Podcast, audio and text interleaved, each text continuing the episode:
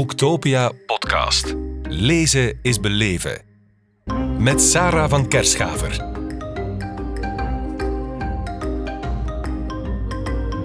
Chris van Kamp, hartelijk welkom in onze podcast hier op Boektopia in Kortrijk. Dag Sarah. Dag Chris. Crash Baby Crash. Wat een bijzondere titel. Ja, het is eigenlijk een beetje een emotionele titel. Ja? Uh, omdat hem inhoudt... Ik zou hem ook niet... Ik zou het niet tegen iedereen zeggen, crash baby crash. Mhm. Maar mijn loved ones, wanneer ik die soms zie uiteenvallen Ja? en zich daarna hopelijk, maar meestal eh, terug beter in elkaar zetten, dan moeten die voorbij dat punt dat ze een soort van rock bottom moeten raken en dan kunnen ze weer verder. Dus als je ziet dat iemand afbrokkelt en al die mechanismen gaan in gang, dat je denkt, nu werkt er, draait alles vierkant, want dat is dan even nodig Mhm. eigenlijk, dan eh, kan je alleen maar heel liefdevol zeggen, ik ben er, ik, ik ken Mhm. die orkaan en crash baby crash, kom aan. Ja. Ja, zoals dat je eigenlijk een atleet aanmoedigt, dat je zegt, kom aan, nog één keer dieper gaan. Snap het? Ja. Ja, ja. Dus dat is die crash baby crash. Maar de beperking is dus dat niet iedereen de veerkracht is gegeven. Nee. Om dan, eh, ja, dus daar moet je een beetje waakzaam op zijn. Wel, dan kom jij met je boek en dan zeg je, lees het boek, want hé, zelf heb ik zoveel gehad aan de Poolse psychiater Kazimierz Dabrowski. Ja. Vertel, wat heeft de man voor jou betekend? Wel, voor mij heeft dat. eh, ja, het is nogal groot iets om te zeggen, mijn leven veranderd. Het heeft mijn leven niet veranderd, maar wel mijn kijk op Mhm. mijn leven en vooral mijn verleden. En het heeft het verschil gemaakt dat ik. eh, ik sleepte zo'n soort van pijnkabinet uit mijn jeugd mee. Zo alle zinnetjes die mij ooit in het vlees hadden gesneden, zaten in mijn archief. En eh, er waren nog altijd levendige emoties aan verbonden. Maar ik heb daar... En dan denk je zo, ja, waarom ik? Waarom, eh, ja, waarom gebeurt mij dit? Waarom gebeurt mij dat? Waarom moet dat zo hard zijn? En waarom ben ik zo eenzaam? Hè? eh, Bijvoorbeeld. En, eh, en onbegrepen. En eh, door zijn theorie te lezen, die ik eigenlijk heel mijn leven al in de praktijk omzette, Mhm. maar mij niet bewust dat er ook nog het facet goede afloop eh, aan verbonden Belangrijk. was eigenlijk. En dat ik de dingen een plaats kon geven, een functie kon geven. Want zingeving is het wat het verschil maakt. Dus er was plots zingeving voor mijn diepste pijn en mijn fricties die ik had gehad, mijn soort van woelige eh, periode die, die altijd wel terugkwamen, zonder dat, ik, zonder dat ik bijvoorbeeld in depressies viel. Nee, dat was heel verschillend, maar ineens begon er iets te schuren en eh, viel eigenlijk heel de structuur van mijn leven, waar ik mij even had aan vastgehouden, Mhm. die klapte helemaal in elkaar.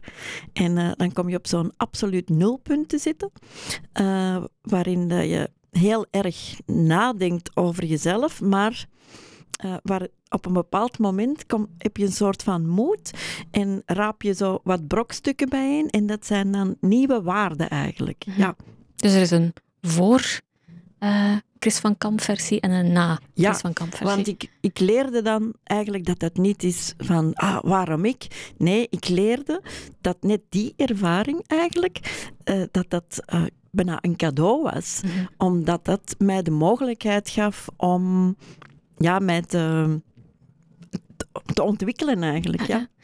Eigenlijk zou je het boek bijna als een tweeluik kunnen zien, hè, samen met De Kus van Dabrowski, Mhm. je eerste, uw vorige boek. Ja.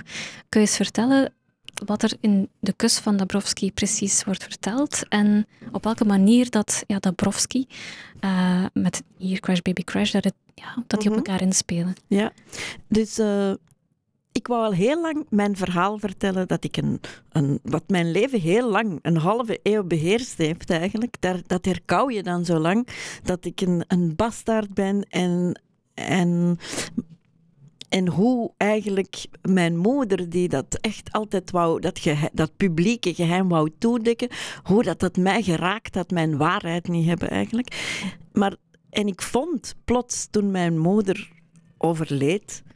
En ik heb zeven dagen, hoe moeilijk onze relatie ook was, zeven dagen heb ik naast haar sterfbed gezeten. Dat is heel, dat is een, echt een, je zit in een soort van vacuüm dan en dan word je gebombardeerd met herinneringen. Eh, dat is een, hele, een heel plechtig, bijzonder moment. En, eh, en door Dabrowski eigenlijk kon ik op een heel mooie manier van haar afscheid nemen. En ik hoefde haar niet meer te verwijten dat ze als moeder zou gefaald zijn, want je doet je kind toch niet of je kwetst je kind toch niet. Maar uiteindelijk kon ik het zien als dat, het, dat zij de perfecte potgrond voor mij gemaakt heeft om mij daar kunnen uit los te trekken uit het milieu dat mij beperkte eigenlijk. En ook om, ja, om mij verder te ontwikkelen. En ook, ik kon in het soort van type mens dat hij naar voorstelt, kon ik ook mijn moeder wel herkennen. Dus ik kreeg een bijna uh, ontroerde uh, betrokkenheid bij wie zij was dan. Amai, en dat gaat die ontdekking eigenlijk, dat soort van herkaderen tijdens die zeven dagen, wat ook een beschouwing is. Het is een beetje een gelaagd boek, wat ook een beschouwing is over ja, hoe, hoe wij met onze ouderen en doden omgaan, hoe onbekwaam dat wij erin zijn. Wij, wij, wij roepen er onmiddellijk, wij drukken op een belletje en als je denkt van oei, nu gaat het gebeuren, terwijl het is iets heel natuurlijk. Dus daar gaat dat boek, het is een afscheidsboek. En, uh, maar ik had het facet van Dabrowski en wat mij dus anders naar heel mijn jeugd liet zien. Wat ik haar dan nog net kon vertellen als een soort van vrijgeleide, eigenlijk, dat ze rustig kon gaan. Um, dat kwam daar reeds in voor, met achteraan mijn notities. Dus, mm -hmm. En ik, ik toets die theorie ook met veel anekdotes aan mijn leven. En dan eigenlijk na het boek kwam er van heel veel lezers uh, dat zij op zoek gingen naar uh, Dabrowski eigenlijk, maar dat er heel weinig te vinden was. Ja, ja. en uh, dus de vraag was er wel naar een boek dat ik ook had willen hebben toen ik kennis maakte met de theorie. Want er was eigenlijk, ja, je ging naar Wikipedia, vond je heel wat, en dan nog wat sites. En dan heb je twee tamelijk saaie uh, boeken die ook een keer te veel vertaald zijn. Want het jargon is een beetje moeilijk, maar daarom in mijn boek probeer ik uh, tegen mensen te zeggen van je leeft bepaalde mensen, want het begint met een aantal vragen. En bijvoorbeeld met de boekvoorstelling, begon, die begon ook met die vragen. En, uh, en heel veel mensen zeiden, ik zeg op alles ja. Dan dacht ik, ja, dan moet je zeker een boek lezen. Ja. Of je kent mensen die zo in elkaar zitten. Dus het gaat over een bepaald intens type mens. Het gaat over mensen die heel intens zijn. Mhm. Ja. Je vertelt hè, dat je op het einde van je vorige boek dat je daar een aantal notities hebt in opgenomen. In dit boek van Crash Baby Crash heb je op het einde een brief geschreven. Hè, Ja. Een brief aan Dabrowski. Ja. Um, het is, zo las ik het, bijna ja, een stukje liefdesverklaring, hè, een bewonderende Als brief. mens dan, Als mens, als mens, inderdaad. Um, zou ik durven zeggen of mogen zeggen dat waar je een biologische vader hebt, een vader die jou ja, heeft opgevoed, dat hij jouw geestelijke vader is? Uh, hij is in ieder geval iemand die mij postuum, want hij is gestorven in uh, 1980, is een beetje morbide misschien, maar hij heeft mij postuum echt omarmd, ja. omdat hij erkenning gaf aan heel veel uh, menselijkheden die onze maatschappij momenteel uh, betiteld als ja, uh, onwenselijk, als uh, ziek, als iets dat moet behandeld worden. En hij heeft een enorme liefde voor de mens in al zijn facetten en hoe dat hij eigenlijk zijn uh, gevechten aangaat. Maar hij, hij gelooft ook wel dat we alles in ons hebben om onszelf te veredelen. Eigenlijk als een soort van alchemistisch proces. Mm-hmm. En naarmate dat je daar doorgaat, het is een soort van uh, ja, een evolutie die, die heel complex is. Het is niks, niks van ik ga dat doen. Dus het is geen methode. Hè. Je kan niet beslissen, ah ja, ik ga Dabrowskiaans uh, desintegreren of zoiets, want hoe heet het dan? Uh, wat eigenlijk dat uiteenvallen dat ik beschreef genoemd wordt. dus dat kan je niet beslissen. Je kan eigenlijk terugkijken op je leven en het boek kan je geruststellen dat het dat het voor iets goeds is dat je dat allemaal meemaakt. Een beetje zoals als je zwanger bent en je hebt een moeilijke zwangerschap, dan weet je, ja, uiteindelijk is het voor het goede doel, ja. want dat kind gaat er komen en je, dat maakt je veel, uh, dat laat je veel gemakkelijker omgaan met die ongemakken. En zo, zo werkt het ook een beetje als je die theorie kent en je weet eigenlijk dat het een proces is dat dat voor je goed is eigenlijk, dat dat zoals je fysieke conditie kan verbeteren, verbeteren dat dat je um, interne conditie, eigenlijk je, je, je zielsconditie en geestelijke conditie, dat dat eigenlijk uh, ja, daardoor verbetert, dan is het veel makkelijker om dragen. Het is geen verloren energie. Als nee, je, absoluut ja, niet. Ja, ja. En hoe gaat het vandaag met jou? Uh, ja, ik, zit, ik vond de voorbije twee jaar, want ik heb met het boek twee jaar geworsteld. Omdat de uh, omstandigheden met de lockdowns, met de, het totale gebrek aan perspectief of, of ook maar ruimte voor eigen initiatief, dat, uh, vond, dat heb ik echt als fnuikend ervaren, vond ik heel, heel moeilijk. Dus ik dacht, ja, moet ik nu een boek maken over autonomie en over non-conformist zijn? Daar was absoluut geen ruimte voor. Dus ik heb dat dan ja, een beetje meegenomen. Maar vorige zomer, toen dat, dat allemaal zich, toen dat het leven terug echt opkwam mhm. en je zag mensen gelukkiger terug zijn en, uh, en in de plooi vallen, dan dacht ik, ja, nu, nu kunnen ze dat wel gebruiken. En dat maakte mij, en vooral nu dat het uit is, uh, heb ik heel snelle respons van mensen die zich er heel erg in herkennen. En dat is heel goed, want eigenlijk daar ben ik heel blij mee. Omdat tenslotte, je vertelt iets heel intiems eigenlijk, mhm. want het, het, is heel, heel persoonlijk. En het gaat ook over heel persoonlijke dingen die de, heel veel mensen niet delen met anderen. Uh, maar dan zie je iets waar je een half leven van denkt van, ja, uh, je bent speciaal, je bent een rare, je bent misschien een borderliner, wie weet wat.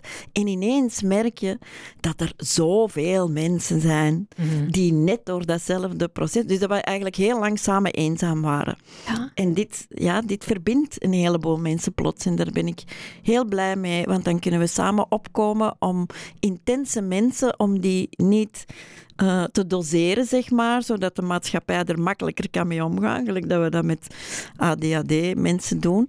Uh, nee, om die, uh, net de schoonheid van die felheid en die intensiteit, die heel veel positieve gevolgen heeft eigenlijk, en, en heel veel potentieel in zich draagt, om dat te gaan waarderen als maatschappij. Als we nu met meer zijn, dan...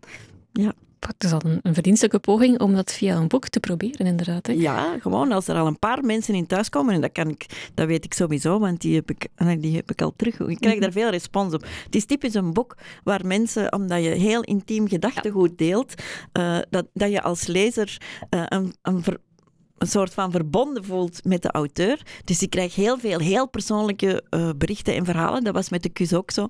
Waar je natuurlijk, en ik vind dat ook ongelooflijk boeiend en mooi, want ik zie in, ik vind daar, ik zoek daar heel veel, ik vind daar heel veel schoonheid in. Begrijpelijk, ja. ja. Jij voelt je heel verbonden met Dabrowski, ook al is hij al overleden. Ja. Uh, ben je al naar Polen geweest? Nee, maar in Polen, uh, eigenlijk heeft Polen hem zo goed als uitgewist. Want hij heeft had helemaal geen stand in eigen land. Eerst, ja. Uh, eerst eigenlijk tijdens de nazi-tijd ja, was het verboden om aan psychiatrie te doen, want eigenlijk moesten zijn patiënten die moesten gewoon eigenlijk vernietigd worden, laat ons het zo noemen. En, en daarna in Polen, dan kwam het Stalinisme. En dan uh, deed je weer uh, niet wat je wou. En uh, dan is hij zelfs, dat was zelfs nog een moeilijkere tijd voor hem. Want dan is hij in gevangenschap gefolterd, zijn vrouw opgepakt. Dus dat was een hele moeilijke tijd. En hij is dan moeten uitwijken naar. Ehm, uiteindelijk is hij in Canada beland. Maar ik denk dat het voor hem, want hij was een Pool in hart en nieren. En ik moet zeggen, ik ken nog Poolse mensen. Mm -hmm. En die hebben zo nog dat soort van nationalisme dat niet van de staat komt, maar van die grond.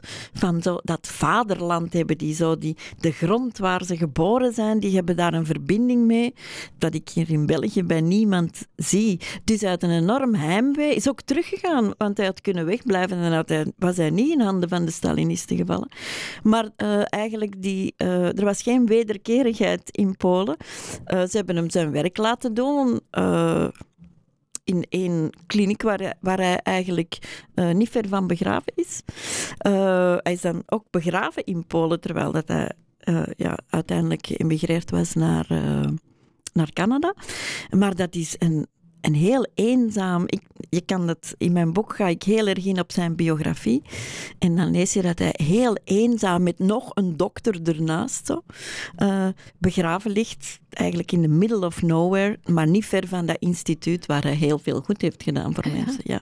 En nu breng jij hem naar Vlaanderen. Ja. ja. maar ik ga hem dus niet zoeken waar hij eigenlijk nee. niet is. Ik denk dat, dat ik hem gewoon zoek in zijn gedachtegoed ja. ja. en vind. Fantastisch. Chris van Kamp, heel veel dank voor dit gesprek. Dankjewel. Boektopia podcast. Lezen is beleven.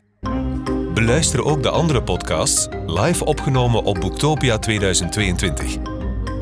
Nu via je favoriete podcast-app.